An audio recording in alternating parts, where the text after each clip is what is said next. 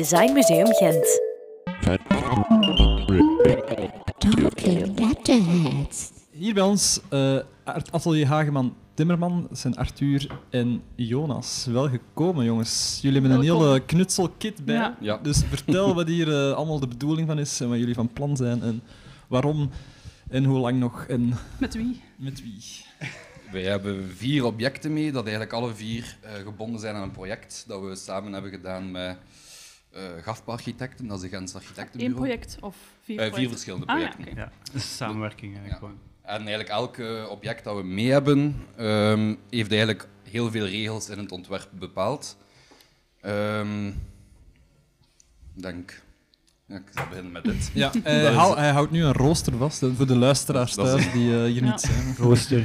Dat is een geperforeerde metaalplaat en dat is eigenlijk het materiaal dat de GAFPA gebruikt heeft in de luifel van een eh, renovatie voor een gelijkvloers van een appartementsgebouw. Met allemaal horecagelegenheden in, ehm, in Brussel. En de bedoeling was om eigenlijk een systeem te gaan bedenken om typografie op ehm, die luifel te, te tonen. En ehm dan zijn we eigenlijk begonnen ehm, met te gaan kijken naar het materiaal en ehm, zijn we erop gekomen om eigenlijk letters uit te snijden, ook in aluminium, eh, en die dan achter of vooraan die luifel te gaan bevestigen, waardoor dat je ehm, de transparantie gaat blokkeren. Ehm, en het grid van dat materiaal bepaalt dus heel hard het lettertype. Wacht, Eh, is schaduw dan? Of hoe moet ik dat zien? Nee. Ah, wel, het is eigenlijk... ehm, Interferentie tussen de twee. ah, wel, overdag zie je eigenlijk eh, zwart op wit bijna, maar s'nachts zit er ehm, verlichting achter. Ah ja. En zie je eigenlijk ehm, zwart op wit. Ehm, wat dat hier eigenlijk een goed voorbeeld aan is, is hoe dat materiaal eigenlijk het ontwerp heeft bepaald. Ja. Ehm, en ik denk de baksteen is daar ook een goed... Ja, dat is een Voorbeeld beetje van? hetzelfde principe. Eigenlijk zijn we vaak geïntrigeerd door eh, gewoon wat materiaal of eh, dat bepaalde keuzes worden gemaakt vanuit een soort niet-keuze. Dus eh, dat is eigenlijk een sportcomplex in eh, Kortrijk, waar de HAFPA een, eh, een uitbreiding voor gemaakt heeft, of nog bezig eigenlijk aan het ontwerpen is. En eh, bij die uitbreiding wordt eigenlijk een eh, lange strook bakstenen die ehm, voortgaan op het oorspronkelijk ontwerp, die ook volledig bestaat uit rood-oranje bakstenen. En ehm, ons werd er dan gevraagd om een soort signalisatie te voorzien ehm, op de deuren van de kleedkamers. En dat lijkt ons eigenlijk maar één logische keuze van die baksteen, daar moet die signalisatie vanuit vertrekken. En hebben we eigenlijk ook een font eh, ontworpen, ehm, of ja, de letters ontworpen, niet een volledig font, eh, vanuit het baksteenverband. En ja, je krijgt een beetje een rare baksteen, waardoor dat er eigenlijk maar een paar letters mogelijk waren. Ehm, Eigenlijk had we heel weinig keuze in, Ja. het, in het grid of in het ontwerp. Maar- en dat werd volledig bepaald door het formaat van die baksteen en hoe dat ze eigenlijk eh, in elkaar gematcht waren. Ah, en ja. zijn wij ook genoodzaakt geweest om dat font te gaan aanpassen, want op, eerste, op het eerste zicht leek het niet mogelijk om er letters van te maken. Maar door dan bepaalde stroken open te laten, is dat wel gelukt. ja. Maar dan digitaal of bedoel je echt met... Ah, wel, de deuren zijn eigenlijk in aluminium, Ja. Ehm, dus zouden we eigenlijk ehm, met stencil of zeefdrukken het baksteenpatroon door laten Ah, ja, lopen ja. op de deuren.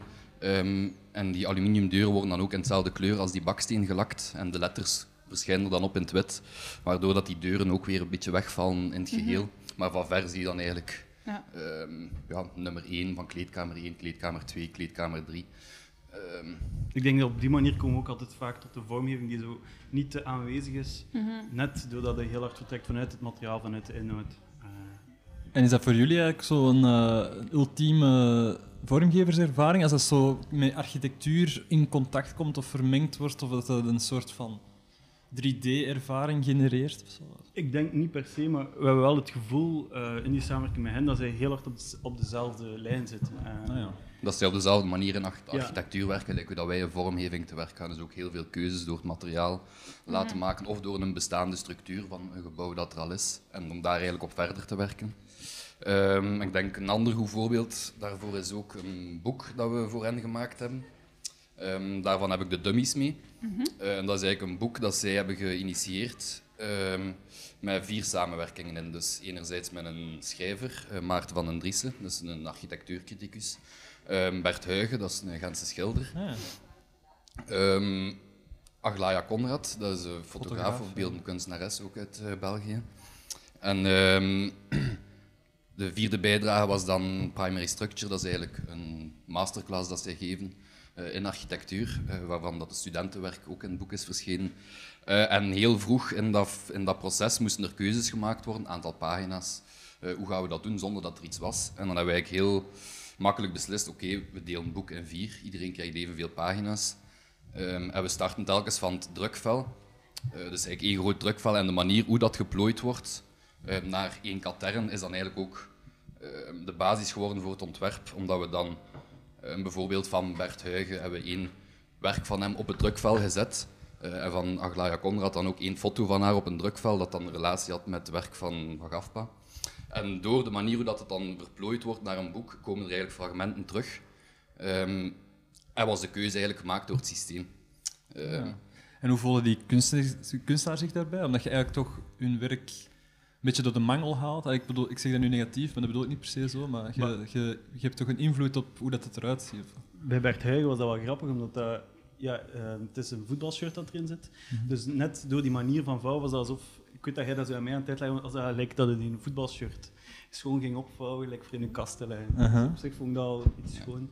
eigenlijk, en Bert zijn werk is ook redelijk plastisch. Ja. Ehm, maar door dat dan eigenlijk op een, op een heel streng grid van die katern te zetten, zag je eigenlijk ook dat daar heel veel ehm grid in zat en heel veel systeem. En die lijnen kwamen dan terug samen op een andere manier.